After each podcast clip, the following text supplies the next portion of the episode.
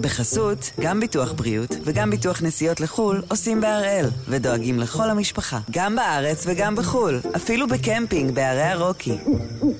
כן, גם שם, כפוף לתנאי הפוליסה וסייגיה ולהנחיות החיתום של החברה.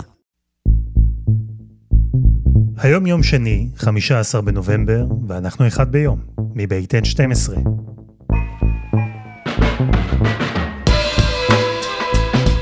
אני אלעד שמחיוף, ואנחנו כאן כדי להבין טוב יותר מה קורה סביבנו, סיפור אחד ביום, כל יום.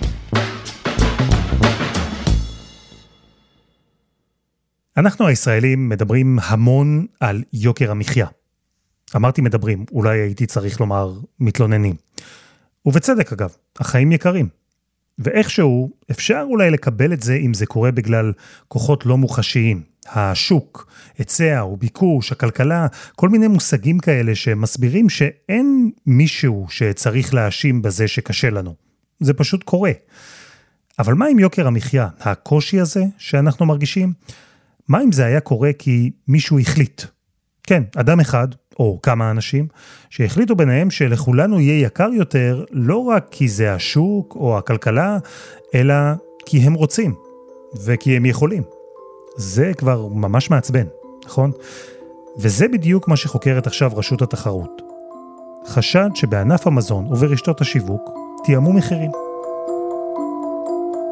אז הפעם אנחנו עם החקירה שנוגעת לכיס של כולנו. פרופסור מיכל גל, מומחית לדיני תחרות מאוניברסיטת חיפה, תסביר לנו עד כמה זה מורכב לחקור חשדות כאלה. אבל קודם כל, כתבת הצרכנות של תוכנית חיסכון, מעיין פרטי. שלום מעיין.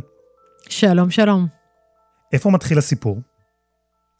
אז הסיפור מתחיל בזה שאנחנו רואים איזשהו גל מטורף של עליות מחירים. אגב, לא רק בישראל, גם בעולם. להביא מכולות למשל, ממקום למקום מאוד התייקר. אם פעם זה היה עולה 2,000 דולר, היום מכולה עולה 20 אלף דולר. חוץ מזה, חומרי הגלם מתייקרים, החל מנייר ועד לפח, אלומיניום, פלסטיק, דלק, הכל עולה במחירים. גם בישראל, אבל גם בעולם. בתוך כל זה, מגיעים לרשתות השיווק היבואנים ויצרני המזון ואומרים, אנחנו השנה רוצים להעלות מחירים. כמה? החל מ-5% ועד 30-40%. עכשיו, ככה זה עובד מאחורי הקלעים. היבואנים או הספקים מגיעים לרשתות השיווק, שאנחנו כולנו מכירים, שופרסל, רמי לוי, ויקטורי ועוד, ואומרים להם, אנחנו מבקשים שתאשרו לנו להעלות את המחיר. הרי בסוף מי שמוכר לצרכן אלו רשתות השיווק, לא היבואנים באופן ישיר, ולכן אם הם רוצים להעלות את המחיר, הם חייבים את רשת השיווק לצידם. אם אתה לא מאשר את עליית המחירים, אתה מפסיד, אתה פשוט לא תקבל את המוצרים. תראה לי מצב שבו רמי לוי למשל יכול לחיות בלי פלמוליב או בלי מוצרי מאסטר שף או בלי קולגייט. אף רשת שיווק לא יכולה להרשות לעצמה להישאר בלי מוצרים, ולכן היא תסכים ותעדיף להעלות מחיר מאשר להישאר בלי מוצרים. אז היבואנים, הספקים, ביקשו העלאת מחירים מרשתות השיווק. הם הסבירו שהם משלמים יותר. ואם הבקשה הזאת תתקבל, אז יותר כסף ייכנס לכיס שלהם, כי אנחנו נשלם יותר על המוצרים. איך זה נראה מהצד של רשתות השיווק? תראה, תמיד רשתות השיווק ירוויחו מעליות מחירים. ככל שאתה מוכר במחיר יקר יותר, כך גם בסוף נכנס לך כסף לכיס יותר, כך גם יש לך תזרים שהוא יותר, הרבה יותר גדול, וכך גם הבנקים פחות עושים צרות ובעיות. ובקיצור, כולם מרוויחים מזה. יחד עם זאת, רשתות השיווק, בטח אלו שרבות במרכאות, אה, יש הרבה מאוד פוליטיקה, אתה צריך להבין, כל רשת שיווק רוצה להיות הרשת הכי זולה בישראל, ולכן כשיש איזשהו יבואן שבא ואומר, אני מעלה את המחיר, ופתאום אותה רשת מבינה שהיא צריכה למכור משחת שיניים כבר לא בשישה או בשבעה שקלים, אלא בעשרה שקלים, אף אחד לא יכול להתמודד עם זה, אף אחד לא ייקח סיכון שאתה, אלעד, תגיע לחנות, תרצה מוצרים, לא תמצא ותלך לסופר אחר. אז כבר מתחיל גם איזושהי בעיה של תדמית. אז רשתות השיווק נמצאות בדילמה, כי מצד אחד הספקים ביקשו מהן להעלות מחירים, ויש לספקים כוח על רשתות השיווק, אבל מהצד השני, כל רשת כזו מפחדת שאם היא תעלה מחירים ואחרות לא, אז הלקוחות, אנחנו, נפסיק לקנות אצלה, כי נאמר שהיא יותר יקרה. עכשיו, לפי החוק, אסור לרשתות הרי לתאם אחת עם השנייה מה יהיו המחירים, כי זה פוגע בתחרות. אז מה לכאורה, לפחות על פי החשד, הן החליטו לעשות?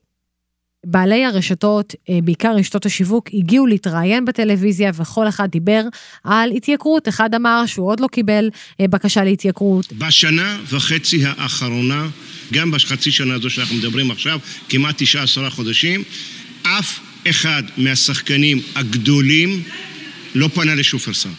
אחד אמר שיש צונאמי של התייקרות. אני, גם מנכ"ל שופרסל יודע שאם הוא יספור טוב טוב את ה-14 יום הקרובים, הוא יקבל על השולחן שלו את, ה, את חמש, בין חמש לשבעת הספקים הגדולים, הוא יקבל מחירון חדש. ואם עכשיו... תגיד להם לא מעלה? בסדר, נשאר עם מדפים ריקים. עד כדי כך? כן.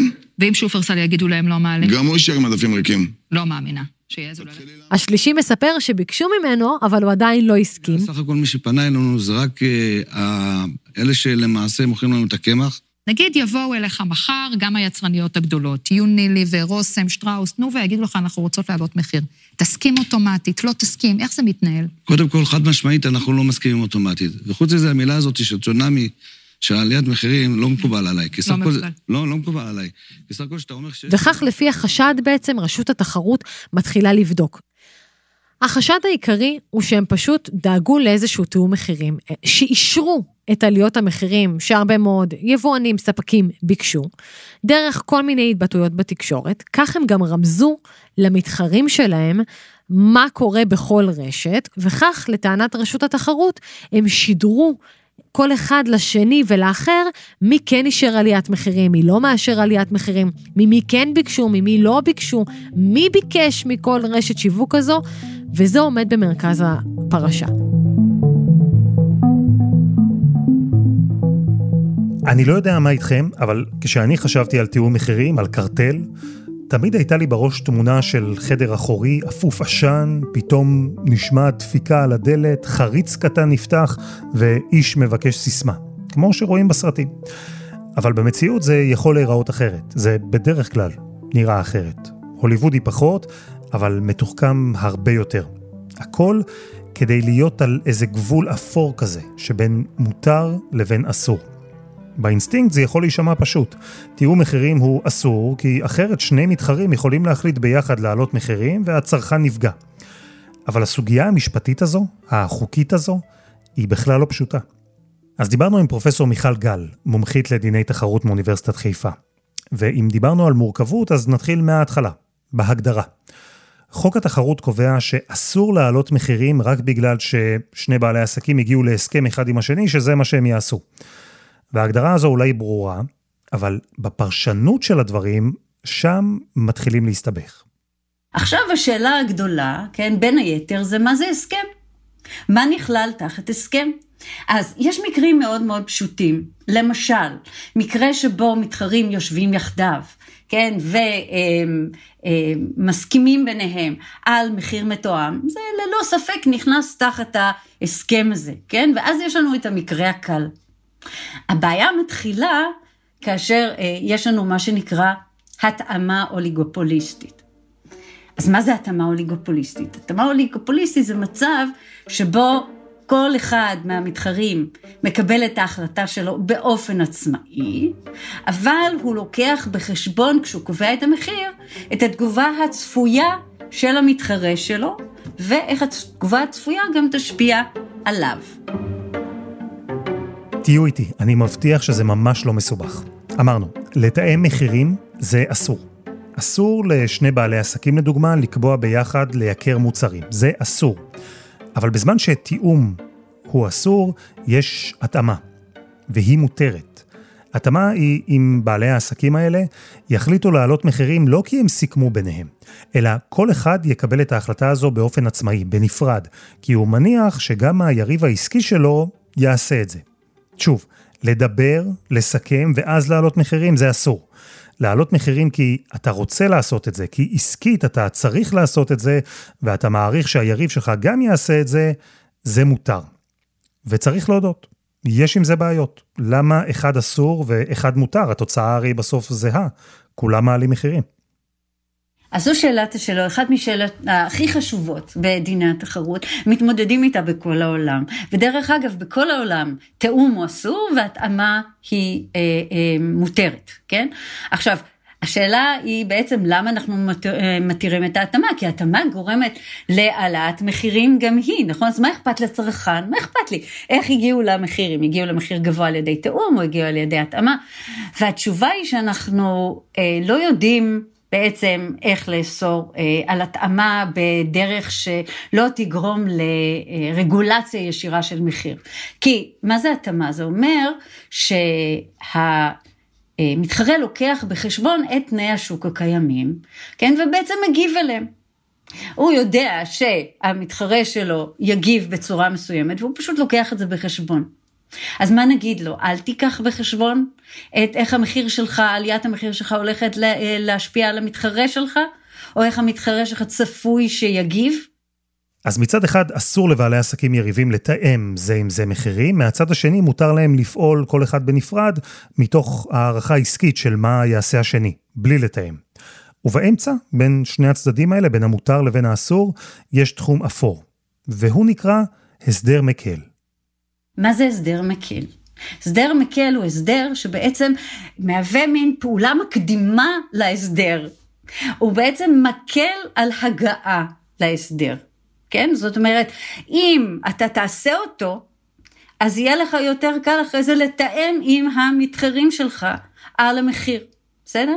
עכשיו, למשל, הודעות מקדימות בתקשורת, או איתותים מקדימים, יכולים להוות בתנאים מסוימים הסדרים מקילים כאלה.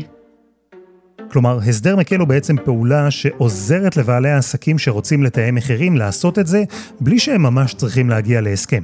אז זה הסדר שמקל עליהם לתאם מחירים. רמיזות למשל, העברת מסרים בצורה מתוחכמת. בעקרון הסדר מקל הוא אסור, כי זה בלוף מתוחכם כזה שבסוף נועד שבעלי העסקים יתחמקו מהסכם, כי זה אסור על פי חוק. אבל הסדר מקל הוא דבר שמאוד קשה להוכיח. החברות, הן אומרות, מה אתם רוצים מאיתנו? בעצם אין לנו כאן תיאום, אין לנו הסכם. אנחנו בעצם אה, אה, מודיעות אה, שהתנאים בשוק השתנו, כן? וזה יגרום לאיזושהי פעולה שהיא צפויה מראש. השאלה היא, קודם כל, האם אנחנו, יש לנו כאן ביצה ותרנגולת. זאת אומרת, האם עליית המחירים היא בגלל שאני אותתתי ולכן נוצר בעצם אה, הסדר מקל ולכן היה לנו יותר קל להגיע לתיאום מחירים. במילים אחרות, השאלה הגדולה כאן היא אם עליית המחירים שראינו הייתה מתרחשת גם בלי הרעיונות של בכירי רשתות השיווק לתקשורת.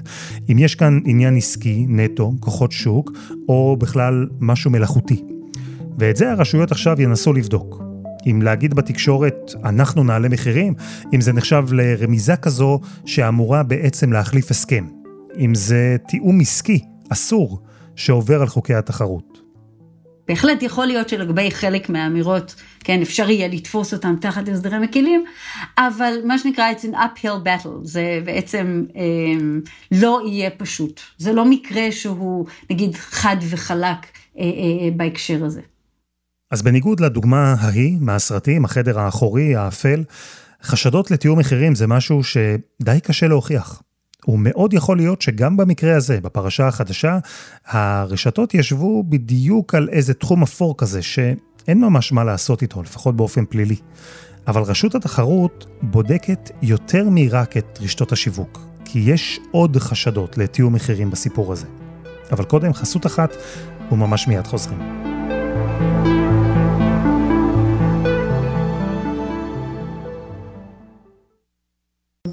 בחסות, גם ביטוח בריאות וגם ביטוח נסיעות לחו"ל עושים בהראל, ודואגים לכל המשפחה, גם בארץ וגם בחו"ל, אפילו בקמפינג בערי הרוקי. כן, גם שם, כפוף לתנאי הפוליסה וסייגיה ולהנחיות החיתום של החברה. אנחנו מדברים על החקירה נגד רשתות שיווק בחשד לתיאום מחירים. אה, מעיין פרטי, החקירה מתמקדת עכשיו קודם כל בחשד שמנהלים של רשתות שיווק ניסו לתאם ביניהם מחירים דרך רעיונות בתקשורת, לכאורה. אבל חוץ מזה, רשות התחרות גם בודקת עוד דבר. כל מיני מהלכים בעייתיים שנרקמו מאחורי הקלעים, לא רק מצד רשתות השיווק. על מה מדובר? הדבר הכי חשוב שהם בודקים, זה האם היה פה איזשהו ניצול של החברות הישראליות. האם בתוך כל גל עליות המחירים וההתייקרויות האלו, חברות ישראליות בעצם באות ומנסות לנצל את המומנטום ואומרות, גם אנחנו רוצות להעלות מחירים. למה? כי גם לנו יש כל מיני הוצאות שעד היום לא שמנו לב או כן שמנו לב, והם פתאום מתייקרים לנו מול העיניים, ואנחנו, אם אפשר, רוצים פשוט להרוויח יותר. אז בוא תשמע דוגמה שמדברים איתי עליה ברשתות הקמעונאיות בימים האחרונים. יכול להיות שמגיע איזשהו יצרן מזון ואומר לרשת שיווק, אני רוצה בקרוב, בעוד שלושה חודשים, להעלות את המחירים. אני רוצה להעלות את המחירים בעשרה אחוז לכל מוצר שאני מוכר. רשת השיווק אומרת, אתה יודע מה? אני מאשר את זה, אבל בוא נעשה כזה דבר. אני אעלה את המחירים מהיום, אבל אתה בתכלס תקבל את עליית המחירים רק מעוד שלושה חודשים. כלומר, יש פער של שלושה חודשים שבו אני כרשת שיווק מכניסה יותר כסף, ואף אחד לא יודע שאני לא מעביר לך את הכסף הזה. עכשיו, מה דיליי כזה של שלושה חודשים יכול לעשות לרשת השיווק? דבר מדהים, שלושה חודשים עכשיו היא תרוויח עשרה אחוז על כל מוצר. אתה יודע מה זה עשרה אחוז במונחים קמעונאיים?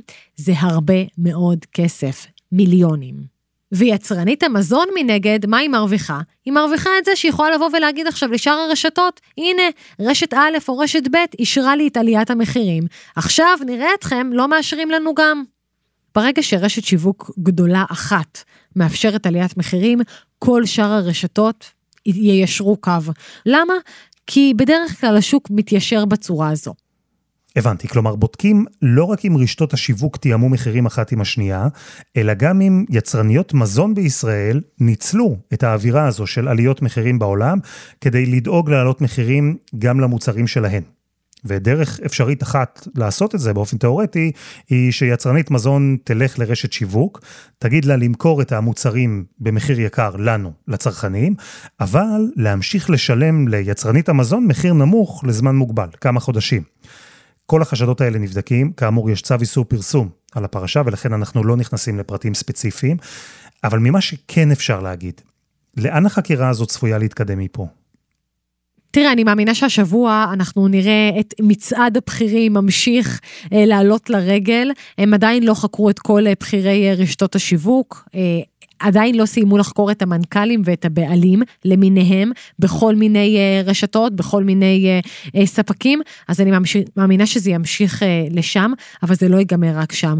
הם בהמשך גם יזמנו את כל מי שקשור לסמנכ"לי השכר והכספים, כדי להבין מה באמת נרקם שם מאחורי הקלעים בכל פגישה כזו של בקשה להעלאת מחירים. זה לא ייגמר פה, אני מאמינה שעוד הפרשה הזו כאן כדי ללוות אותנו לפחות בחודש הקרוב, ואם אכן אה, באמת נגלה שהיה כאן תיאום מחירים, אבוי למי שעסק בזה, כי הדרך היחידה לצאת מזה היא פשוט בכלא. וצריך לומר שאלו דברים שקרו בעבר, בישראל. נכון, נכון, נכון. מנכ"ל שופרסל לשעבר ישב חודשיים וחצי בכלא על תיאום מחירים. קרטל הלחם, אני מסכימה, מזכירה לך, כשכולם ביקשו להעלות אה, מחירים, אה, הבינו שיש כאן קרטל של ממש, וגם הם סיימו בכלא. וגם עכשיו זה נראה שרשות התחרות, במיוחד כשהיא רואה שיש כל כך הרבה בקשות לעליות מחירים, לא בקטע של לוותר, הם בקטע של לבדוק את זה טוב טוב עד הסוף, וגם לגרום לאנשים פשוט לפחד בפעם הבאה שמישהו יבקש עליית מחירים, או שיאשרו לו לעלות מחירים.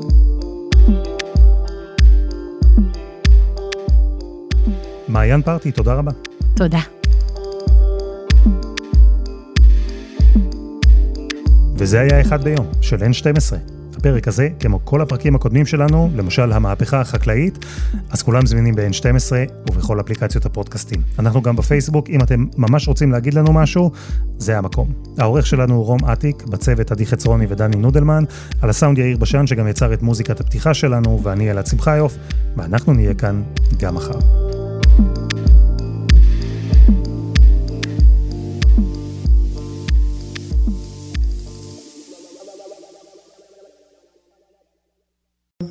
בחסות, גם ביטוח בריאות וגם ביטוח נסיעות לחו"ל עושים בהראל, ודואגים לכל המשפחה, גם בארץ וגם בחו"ל, אפילו בקמפינג בערי הרוקי. כן, גם שם, כפוף לתנאי הפוליסה וסייגיה ולהנחיות החיתום של החברה.